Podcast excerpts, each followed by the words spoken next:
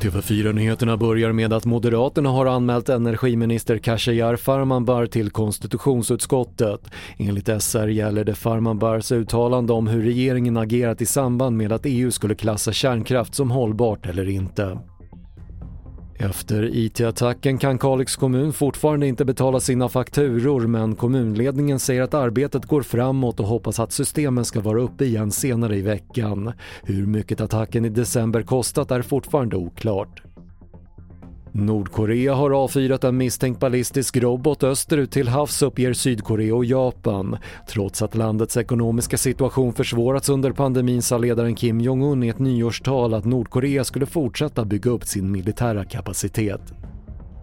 Och Golden Globe-galan hålls som planerat på söndag men utan publik på grund av ökad smittspridning. NBC TV-sänder inte galan sedan arrangören Hollywood Foreign Press Association tidigare kritiserats och anklagats för korruption, rasism och sexism.